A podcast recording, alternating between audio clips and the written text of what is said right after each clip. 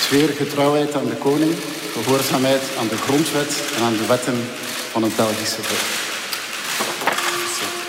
De regering De Croo heeft de eed afgelegd en zelf zijn de zeven partijen van de Vivaldi-regering alvast erg enthousiast.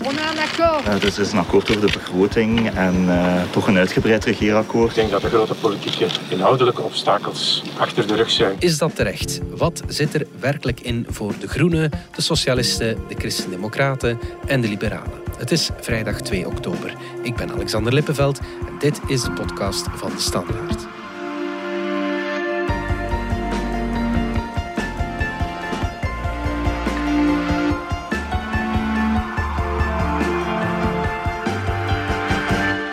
Talent wins games, but teamwork wins championships. Jan-Frederik Abeloos, chef politiek. Hallo. De Vivaldi-coalitie gaat van start. Blijft een beetje een rare naam voor een regering. Help ons nog even, waarom wordt die zo genoemd? Uh, wel, ze wordt genoemd naar uh, de vierjaargetijden, een compositie van uh, componist Antonio Vivaldi. Mm -hmm. En ja, de vier seizoenen die bestaan uit vier kleuren of worden geassocieerd met vier kleuren. Ja. En dan kom je al snel uit bij de politieke families ja. die in deze regering zetelen. En dus ja, lente, groene. dan hebben we de zomer, rood, socialisten. Heb je de herfst, oranje, CD&V. En tenslotte de winter, blauw, de liberalen. Ja, de vraag is natuurlijk, klinkt het ook bij de mensen als muziek in de oren? Wij trokken de straat op in Dilbeek om te horen of de partituur van Vivaldi aanslaat. Ik ben behoorlijk enthousiast. Ik heb er vertrouwen in. Het is uh, een mengelmoesje. En ik denk dat ze veel ruzie gaan maken. Ik hoop dat ze overeenkomen over belangrijke dingen. Ik vind dat mensen hebben gekozen voor andere partijen. En ik vind dat de, ja, die partijen aan de macht zouden moeten zijn eigenlijk. Maar goed zeker, ze doen het beste. Maar ik uh, denk dat uh, de nieuwe regering eens een kans moet krijgen om uh, terug alles een beetje op zijn poten en op zijn plaats te zetten. En we zullen zien wat dat gaat geven. Het zal niet gemakkelijk zijn, maar ja, iedereen moet een kans krijgen. Hè.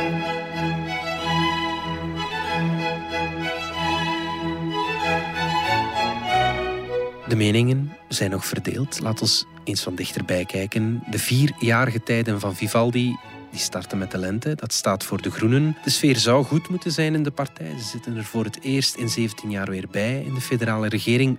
Maar met de verdeling van de posten bij Groen is er toch uh, wat ruzie gemaakt. Ja, wel, uh, uiteindelijk uh, worden Petra de Sutter en Tine van der Straten minister. Uh, nu, ik denk er zijn weinig mensen binnen, maar ook buiten de partij, die dat op zich uh, miscast zouden vinden. Mm. Uh, het zijn twee capabele vrouwen. Uh, met heel veel vakkennis. Met veel vakkennis. Ja. Ze bezorgen de partij meteen een, een zeker serieus, een, een professionele uitstraling. Maar dat ging wel ten koste van Christophe Calvo. En ja, ja die was ook wel kandidaat. Um, uh, minister, mm -hmm. kandidaat vicepremier. En het ging uiteindelijk tussen duo Van der Straten Calvo of Van der Straten uh, Petra de Sutter. Ja. En het is het laatste duo geworden, mede dankzij de steun van voorzitter uh, Merem Almachi. Ja, ja. Dus Waarom is het Calvo niet geworden? Dat is al jarenlang de groene man die heel vaak in de, in de, in de kijker mm -hmm. loopt. Dat klopt, maar uh, hij is niet altijd op de meest succesvolle manier in de kijker gaan lopen. Mm. Um, hij wordt toch ook voor een deel de overwinningsnederlaag van 2019 aangevreven. Mm. Um, herinner je de passages waarin hij niet heel goed kon uitleggen wat men nu ging doen met die bedrijfswagens en de vergroening ervan? Yes. Dat blijft voor een deel aan hem kleven. Iets anders is dat hij ja, naam en faam heeft gemaakt met een zeer verbale, uh, assertieve oppositiestijl. Ja. Maar misschien is dat niet het soort karakter dat je nu nodig hebt in die bonte coalitie. Mm -hmm. um, hij zou ook een makkelijke schietschijf zijn voor de oppositie. Ja. Vicepremier Calvo, daar zat de N-VA en Vlaams Belang haast op te wachten. Ja. Om hun duivels daar tegenover te ontbinden. Dat wordt heel moeilijk, of veel moeilijker mm, ten opzichte van uh, Petra de Sutter bijvoorbeeld. Ja, ja, ja. Nog iemand waar N-VA al hard oppositie heeft tegengevoerd is Zakia Katabi van Ecolo. Zij wordt ook minister. En recent is ze nog weggestemd voor uh, een post, voor een, voor een plaats in het grondwettelijk Ja, klopt. Uh, zij keert nu terug uh, door de grote poort, zeg maar.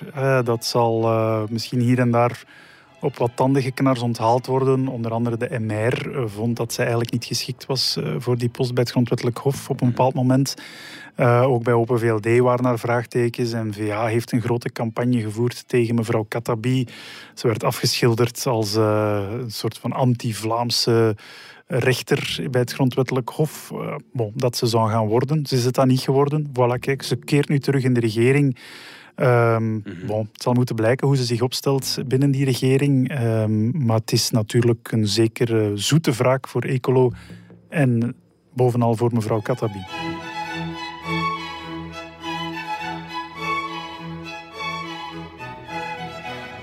Is dit een gok voor de Groenen. Die eerste regering Verhofstadt tussen 1999 en 2003, dat was vrij traumatisch. Ze zijn dan ja, gedecimeerd, zeg maar. Is dit een gok? Uh, ja, maar natuurlijk, um, zij, dat trauma van destijds, dat leeft ook wel bij de Groenen. Hè. Dus mm. ik denk dat verklaart ook weer mee de keuze voor het een van de straten, Petra de Sutter, ook aan de kant van Ecolo, met een vicepremier als uh, Georges Gilquinet. Mm -hmm. Toch wel een gerodeerd man, uh, ook wel... Uh, iemand met grote dossierkennis in de Kamer. Ja.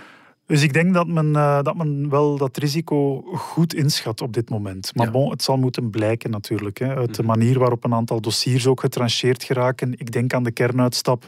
Komt die er effectief? Of wordt dat toch in 2021 nog een kat in een, in een zak voor, ja. uh, voor de Groenen? Ook eh, de NMBS uh, willen ze heel die modal shift realiseren, waarbij mensen meer en meer het openbaar vervoer gaan nemen dan is de NMBS natuurlijk cruciaal om die goed te laten functioneren, op tijd, stipt, goede dienstverlening. Dat komt nu toch ook op het bord van, van Ecolo terecht.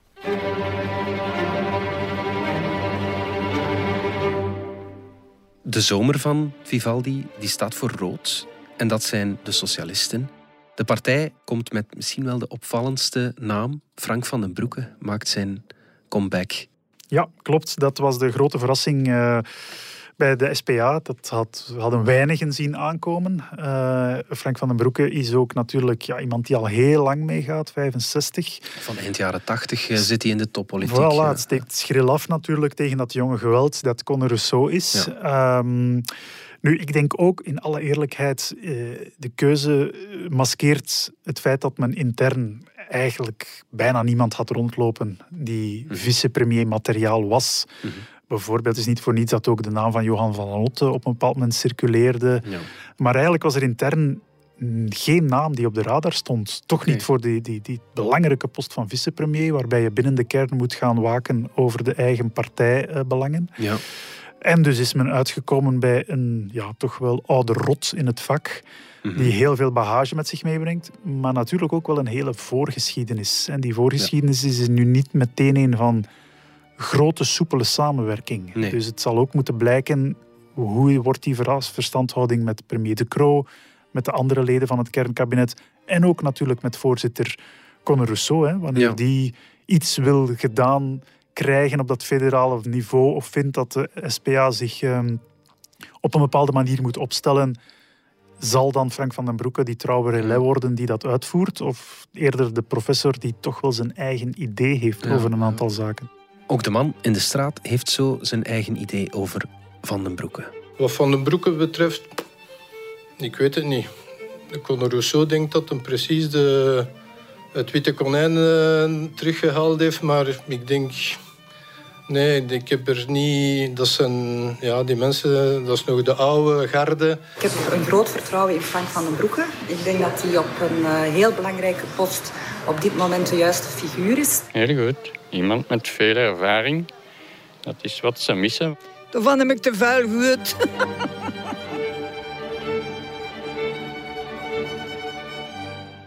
Rousseau wil zijn partij helemaal hervormen, ze ook vooruit gaan noemen, een nieuwe naam mm geven. Rijmt dat dan met een vicepremier van de oude SP zelfs nog? Uh, kan, dat, kan dat naast elkaar bestaan, de twee machtigste mm -hmm. mensen van de partij? Ja, um, wel, dat, zal, dat is de vraag. Uh, in, op in eerste instantie is het, vloekt het ja. met uh, de missie die Rousseau had uitgeschreven bij de start van zijn voorzitterschap.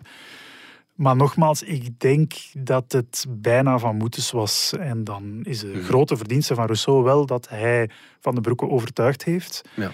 Ehm, dat hij het blijkbaar ook intern verkocht heeft. Want ook daar is er natuurlijk een hele voorgeschiedenis. Uh, de manier waarop Frank van den Broeke de politiek vaarwel heeft gezegd, was natuurlijk ook niet een zeer goede verstandhouding uh, met de rest van de Socialistische Partij. Maar van die toppers in die tijd schieten er niet veel meer over natuurlijk. Dus eh, nee, maar bon, de schone lei is misschien wel gemakkelijk. Ja, maar goed. Ik denk dat er nog genoeg mensen wel bij SPA rondlopen die zich herinneren dat. Uh, Frank van den Broeke af en toe wel de slimste van de klas wil zijn. Mm. Uh, dat is destijds een karaktertrek die hem heeft doen botsen met veel SPA'ers. Uiteindelijk is het daardoor ook uh, ja, uit, de politiek moeten stappen.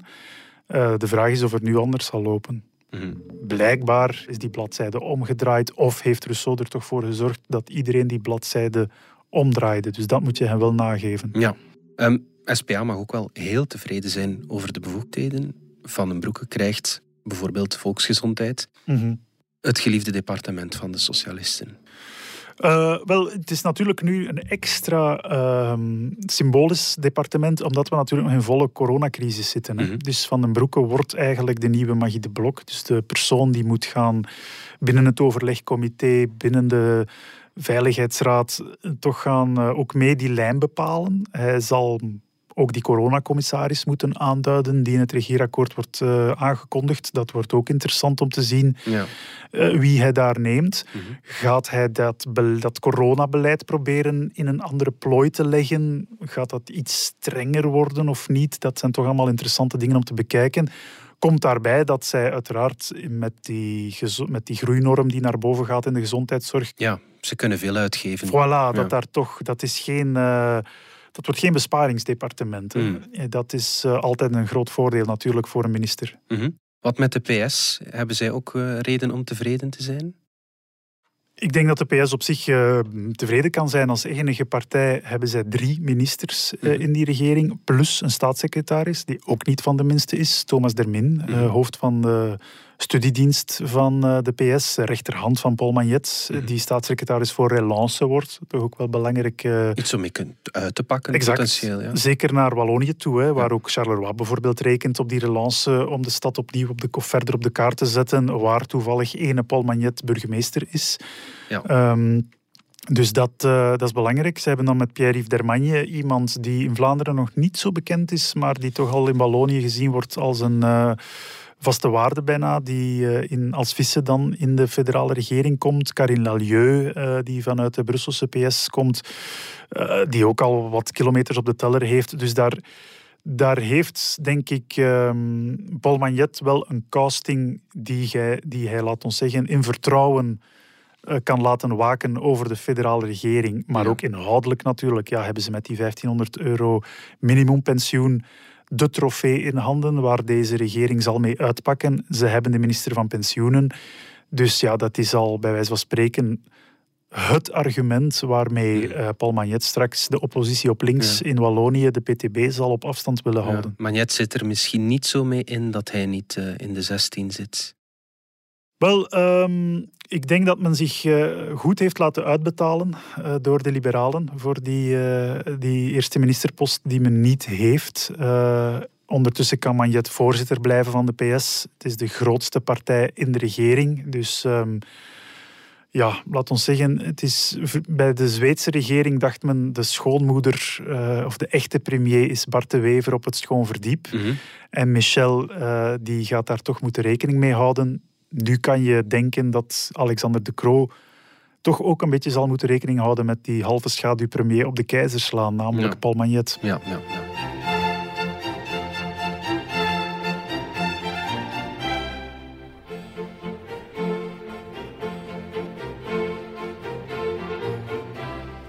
De Oranje Christendemocraten staan voor de herfst. CD&V had het duidelijk moeilijkst bij die regeringsdeelname. Onder meer omdat er geen Vlaamse meerderheid is in de regering.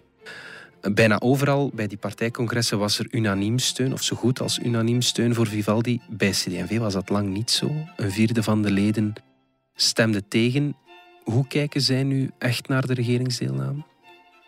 Ik denk toch inderdaad met een dosis wantrouwen. Uh, niet alleen is er geen Vlaamse meerderheid, zoals je zegt, uh, maar ook uh, CD&V zelf is mathematisch overbodig mm -hmm. in die coalitie. Um, ze is ook heel lang gepresenteerd en door de oppositie wordt ze nog steeds zo gepresenteerd als paars-groen plus CD&V. Ja. Dat zag je ook wel een klein beetje in de formatie. Het was vooral dat paarse motorblok van socialisten en liberalen die de boel trok. Ja. De groenen die daarbij daar niet echt heel veel probleem mee hadden. En dan CD&V die de hele tijd de vinger moest opsteken om te zeggen wij zijn hier ook nog. Mm -hmm. En wij willen wel bediend worden. Um, Flashback naar Verhofstadt. Is wel, dat voilà, ze hebben daar geen goede herinneringen aan. Uh, ook ja, zitten zij er voor een deel in om zaken af te blokken. Dat is met, door zoveel woord, met zoveel woorden gezegd door Vlaams minister Wouter Beke. Wij zitten Hmm. daarin net om er geen paars-groen project van te maken. Dus dat uitzicht bijvoorbeeld in het uh, vetorecht in zaken ethische dossiers die de partij wel heeft. Ja. En het feit dat zij die staatshervorming richting 2024 toch absoluut willen gaan voorbereiden. Mhm. Maar bon, uh, daarmee heb je zelf nog niet echt een grote trofee in handen. Mhm. Zij claimen nu voor een deel dezelfde zaken die de socialisten hebben. Ja. Bon, uh, het zal moeten blijken met welke palmares dat CD&V in 2024 uit die Vivaldi-coalitie stapt. Ja, ze doen dat alvast met drie vrij onbekende namen. Uh, Vincent van Petegem, Annelies Verlinden en Sami Medi. Mhm. Laat ons met die laatste beginnen. Uh, misschien de bekendste van de drie. Medi wordt staatssecretaris voor asiel en migratie. Ja. Dat is voor zijn twee voorgangers, Maggie de Blok en Theo Franken, een goudmijn geweest. Ja, ik denk dat dat, um, dat is potentieel nu ook wel zo. Ja. Um, het is, uh, denk ik, goed onderhandeld, omdat de, het, is, het zal tegen de zin van de Groenen zijn. Die okay. hadden eigenlijk gewild dat er geen apart staatssecretariaat voor asiel en migratie meer kwam. Mm -hmm. Dat de minister van Binnenlandse Zaken dat bij wijze van spreken als bijbaan er ging bijnemen en vooral niet te veel zou overtoeteren. Ja, dat gaat Sami Medi wel doen. Ja. Het regeerakkoord dat luidt wel voor een deel een, een omslag in ten opzichte van het voorgaande beleid onder Maggie de Blok, maar natuurlijk vooral onder Theo Franken. Mm -hmm. Er zullen geen kinderen of gezinnen met kinderen meer opgesloten worden in afwachting van hun uh, repatriëring. Er gaan geen woonsbetredingen komen, dus men gaat niet binnenvallen bij mensen om te zien of daar uh, illegalen gehuisvest zijn. Um, Op de symbooldossiers wordt men wat zachter. Ja, dus er ja. valt heel vaak het woord humaan. We willen ja. een humaan beleid. Wel, we hebben nood aan een streng beleid, maar ook aan een humaan beleid. En de twee gaan hand in hand. Tegelijkertijd gaat men niet aarzelen, nog steeds niet, om criminele illegalen het land uit te zetten. Als ik vaststel dat in Duitsland de terugkeercijfers dat die meer dan twee keer zo hoog liggen als bij ons, dat ze twee keer zoveel mensen terugsturen die hier onwettig verblijven, dan maakt dat het ook mogelijk voor Angela Merkel om mensen die het echt nodig hebben, om die te gaan helpen. Maar bon, ook daar ja, doet men dat dan zonder die woonsbetredingen, waarvan je kan afvragen hoe succesvol zal dat dan zijn. Ja. Maar uh, Sami Medi is zelf geen, staat niet bekend als een uh, open grenzen activist of softe jongen, dus die gaat daar wel denk ik ook wel stevig tegenaan gaan. Ja. Maar de kerk zal wel in het midden moeten staan of hij gaat van op links en zeker van op groen links toch wel uh, op zijn dak krijgen. Vincent van Petegem is uh, vicepremier en minister van Financiën. Um, hij heeft die hele evaluatie van, uh, van CD&V geleid in het, na de verkiezingen. Mm -hmm. Zal hij zich nu genoeg kunnen laten gelden in, in de kern tegenover die meer ervaren vicepremiers? Ja, dat, is, dat wordt de uitdaging inderdaad. Ja. Uh, je zit daar met een Sophie Wilmes, met Alexander de Croo. Uh, je zit daar met Frank van den Broeke. Van Quickenborne. Van Quickenborne. Mm -hmm. Dat is toch wel wat ervaring bij elkaar. Ja. Um, en daar waar dat die andere partijen, zoals ik al zei, misschien kunnen meesurfen op een, een, consensus binnen de kern. Een paarsgroene consensus wanneer het gaat over relance, over ethiek, over nieuwe politieke cultuur. Um, ja, dan gaat CD&V daar toch wel goed moeten opletten dat hun eigen belangen ook goed gediend zijn. En dus Vincent van Petegem gaat op tijd moeten doorhebben wanneer de wind misschien wel de andere richting begint uit te waaien. Dat wordt de grote onbekende. Hij heeft natuurlijk met financiën een cruciaal departement in handen, ook voor CD&V. Als die vorm van vermogensbelasting er komt, Mhm. mm -hmm. of die eerlijke fiscaliteit die in de stijgers moet gezet worden, of rechtvaardige fiscaliteit waar CD&V nu al zo lang voor pleit, Wel, hij kan daar het gezicht van worden. Ja. Ik denk dat het eh, belangrijk is dat we zorgen dat er een aantal elementen eh, duidelijk naar voren komen. Ik heb nu het voordeel om inderdaad te zorgen voor die eerlijke fiscaliteit. Dat is potentieel een heel grote troef. Het is wel een, potentieel ook een heel moeilijke oefening om daar iedereen tevreden te houden binnen een bonte coalitie die gaat van de meest linkse vleugel van Ecolo tot de meest donkerblauwe vleugel van uh, Open VLD. Mhm. De nobele onbekende uh, is Annelies Verlinden. Ik kom uit Schoten, uh, waar ik uh, altijd gewoond heb. Ik ben daar enige tijd gemeenteraadslid geweest. ik ben ook ondervoorzitter geweest van de CD&V Jongeren enige tijd geleden. En ik ben ondertussen ook al 18 jaar advocaat, waar ik mij voornamelijk heb bezighouden met dossiers publiekrecht, administratief recht. Dus alles wat overheids- en maatschappij gerelateerd is, is mij zeker niet vreemd. Wat van haar wel, dat ik het ook niet weet. Ze wordt eh, direct minister van Binnenlandse Alexander. Zaken. Ja, dat is een, een mhm. heel grote post. Het is een grote post, het is ook een belangrijke post, want deze regering wil niet aanzien worden als een softe regering. Iets wat natuurlijk de oppositie toch in Vlaanderen, de rechtse oppositie, er graag van gemaakt had. Mhm. Van oh, een regering met groen, dat wordt een open grenzenbeleid in zaken migratie en dat wordt een laks beleid in zaken veiligheidsdepartementen. Nu, in zaken migratie hebben we al gezegd dat dat met Sami Medi waarschijnlijk toch niet zo open grenzen-minded mhm. zal zijn. Uh, wat betreft de veiligheidsdepartementen, ja, je zit op binnenland met een totale neofiet. Die mag wel wat geld gaan uitdelen, want de veiligheidsdepartementen krijgen wel een forse injectie. Mhm. Justitie krijgt wel het meest, mhm. maar uh, Binnenlandse Zaken krijgt toch ook wat. Het is een neofiet, dus dat is al een paar keer zeer goed meegevallen bij CD&V. Denk aan Chris Peters, denk aan Koen Geens. Dus ze hebben wel een traditie of een eer hoog te houden van kwaliteitsvol personeel binnen te brengen in een regering, zelfs al zijn ze niet verkozen. Mhm. Deze dame is ook niet verkozen.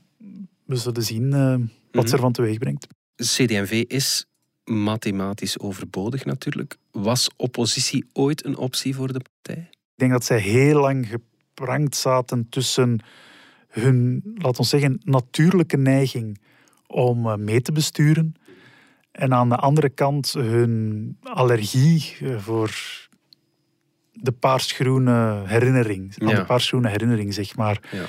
Ehm, maar uiteindelijk ja, is, is toch de, de, de eeuwige reflex uh, binnen de christendemocratische mm kring om het land te dienen, het land te besturen, de verantwoordelijkheid op te nemen. ja, ja, Hoe heet dat dan allemaal?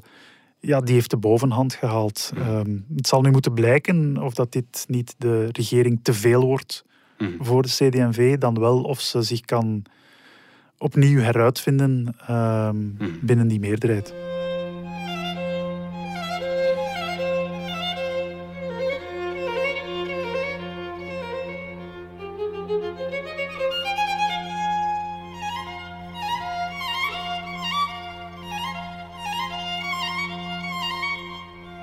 De Blauwe Winter van Vivaldi staat voor de liberalen. Met natuurlijk Alexander de Croo als premier. Wel, ik vind het positief. Ik uh, vind de, de geschikte man op de geschikte plaats. Sceptisch. Ik had ook liever Bart de Wever aan, uh, aan het hoofd gezien. Ik uh, hoop dat hij het beste uit zijn wilde bende haalt. Zeker in Alexander de Croo bijvoorbeeld heb ik veel vertrouwen. Komen de liberalen als grote winnaars uit de bus? Wel, op korte termijn zeker. Hè. Het feit dat je kan uitpakken met de premier, um, dat geeft altijd een boost. Uh, dat is uh, in dit geval niet anders. Ook uh, voorzitter Egbert Lachaert heeft nu natuurlijk zijn twee grote steunpilaren tijdens zijn campagne, namelijk Alexander de Croo en Vincent van Quinkenborn, respectievelijk premier en vicepremier kunnen maken. Mm -hmm. van Quinkenborn die ook justitie heeft. Uh, ja, bon, dan, uh, dan denk ik dat er daar wel even champagne gedronken wordt in, in die kringen. Ja.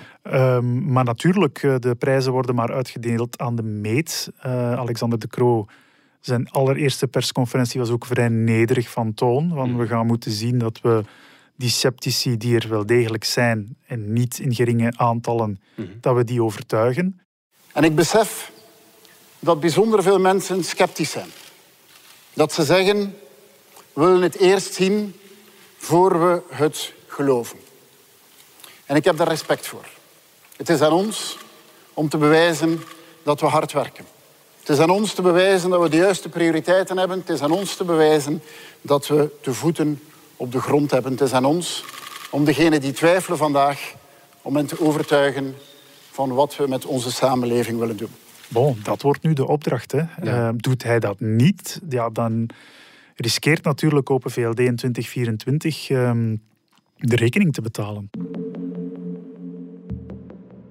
Eva de Bleker die wordt uh, staatssecretaris van Begroting. Ja, dus die mag op de centen gaan letten onder het goedkeurende oog van de premier zelf. Um, maar bon, het voelt toch een beetje aan als een troostprijs. Um... Moeten we daar iets uit opmaken dat, de, dat, dat deze regering een staatssecretaris van begroting heeft en geen minister? Als je echt uh, op de centen wil keihard gaan letten, dan heb je wel een minister van Begroting. Dat ja. klopt. Je zag ook bij de regering Michel dat je een staatssecretaris voor Begroting. Dat is niet het sterkste signaal dat je uitstuurt naar mm. de buitenwereld. Mm -hmm. Maar bon, ja, die persoon Dan wordt die ook, begrotingsorthodoxie, dat, dat wordt wel echt losgelaten dan. Ja, dat zie je ook in het regeerakkoord. Hè. Deze, de vorige regeringen die spannen zich in om miljarden te vinden die men zou gaan besparen. Deze heeft zich uh, ingespannen om miljarden te vinden om uit te geven. Ja. En er is zogezegd wel een saneringspad uitgetekend, maar uh, voorlopig zien we niet echt de maatregelen opduiken die ervoor zorgen dat je effectief fors gaat besparen straks. Mm. Dus uh, dat, dat lijkt niet meteen de hoogste prioriteit van deze regering, nee. Tot slot nog één partij, de MR. Uh, voorzitter Georges-Louis Boucher was vorige week de moeilijkste aan tafel. Mm -hmm. Is hem dat zuur opgebroken? Wel, Boucher wist altijd, het is altijd al de paradox geweest, dat een succesvolle uh, regeringsvorming impliceerde altijd een pijnlijke saneringsopdracht voor Georges-Louis Boucher. Hij was zo, de MR was zo overbedeeld in de restregering.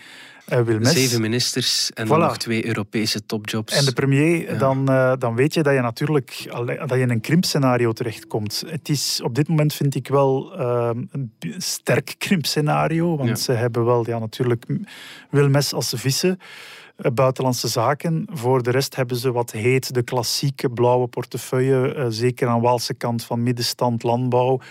Um, bon, en dan hebben ze nog de digitale agenda voor de voor broer van uh, Charles Michel, Mathieu ja. Michel. Ja, dat is, uh, dan, dan ga je toch wel van een grote equipe naar zeer kleine equipe plots ja. met portefeuilles die nu niet meteen de zwaarste zijn. Mm -hmm. Sophie Wilmes zit natuurlijk wel nog als vicepremier aan tafel. Mm -hmm. Zij behoudt dus veel macht. Kan mm -hmm. zij Boucher in bedwang houden? Wel, um, ze heeft de voorbije dagen, weken met de formatie wel blijk gegeven van um, te kunnen zeggen Georges-Louis, ça suffit. Dus ze kan het wel. Maar ja, ik, ik weet niet, Georges-Louis Boucher had, uh, is niet de man om nu van op de zijlijn toe te kijken hoe het federaal allemaal loopt. Uh, gisteren kon hij al zich niet, niet inhouden om rond die 1500 euro minimumpensioen toch al wat uh, ketens schoppen, zeg maar, door te zeggen, ja, dat is niet netto, dat is eigenlijk wel bruto. Mm -hmm. Ja, Sophie Wilmes zal inderdaad uh, ervoor moeten zorgen dat alle druk van de voorzitter niet altijd tot in de kern voelbaar is. In 2019 hebben de kiezers gestemd rond pensioen, migratie en klimaat. Het waren de grote thema's. Wat wordt in deze regering de rode draad? Wel, ik denk de relance. Mm. Uh, men moet in 2024, denk ik, kunnen uh, afkloppen op een aantal zaken. Namelijk, die coronacrisis is tegen dan hopelijk een uh, verre herinnering. De groei moet hopelijk teruggekeerd zijn. En je moet die relance al voelen in zaken het spoor, de injecties die er komen, begrotingsinjecties op de veiligheidsdepartementen. Mm. Dat moet allemaal vlotter lopen. Die klimaattransitie moet duidelijk zijn tegen dan. Dus de nucleaire uitstap die is nog enigszins voorwaardelijk. Uh, pas in 2021 wordt dat definitief getrancheerd. Dat zijn allemaal zaken die toch wel het palmares van die regering zullen gaan bepalen. Die 1500 euro minimumpensioen, natuurlijk het symbool. Mm -hmm. Maar hoeveel zal dat echt zijn tegen 2024? Ja. Is die begroting tegen dan niet totaal ontspoord? Mm -hmm. En misschien dan nog het belangrijkste van al, imagebuilding, wordt het een kippelkabinet 2.0 mm -hmm. um, of niet? En daar had denk ik heel veel van afhangen. Die vorige Zweedse regering onder Michel is echt wel afgestraft. Misschien zelfs minder voor wat ze deed, dan wel omwille van het imago. Ja, ze doet niets en ze Mhm. maakt heel de tijd ruzie. Ja. Dat is echt niet waar de Belgen zitten op te wachten. Mhm. Zeker vandaag niet, wanneer dat de inzet nog veel groter is. Werkloosheid stijgt, er zijn economische zorgen, er is die coronacrisis, ga zo maar verder. Ja. Er is een zeker antipolitiek sentiment dat niet mag onderschat worden. Mhm. Het stomste dat deze regering kan doen, is binnen de maand vechtend over het straatrollen omwille van de concrete invulling van deze of gene maatregel. Want laat ons eerlijk zijn, dat regeerakkoord van 90 pagina's, dat kan best wel nog een verklarende tekst gebruiken hier en daar. Ja. Ehm, dus voilà, het, eh, het dreigt heel snel fout te lopen als niet iedereen zijn koel kan behouden. Maar bon, voor het eerst met zeven partijen, voor het eerst zo'n bonte coalitie van vier seizoenen. Ja, het, eh, het heeft op dit moment, als ik streng ben, de schijn tegen. Ja, die, die grote lijn bewaken zal denk ik wel moeilijk zijn. Hè? Met al de kleine persoonlijkheden die dan moeten samenkomen en het toch maar eens zijn. Ja, een meerderheid is een meerderheid natuurlijk. En als ze elkaar goed verstaan en kunnen oplossingen bieden aan de problemen dat er zijn, dan eh, is dat in orde. Ik heb het eigenlijk nog niet gevolgd, dus ik eh, ben er niet op de hoogte van eigenlijk. Jan-Frederik, dankjewel. Graag gedaan.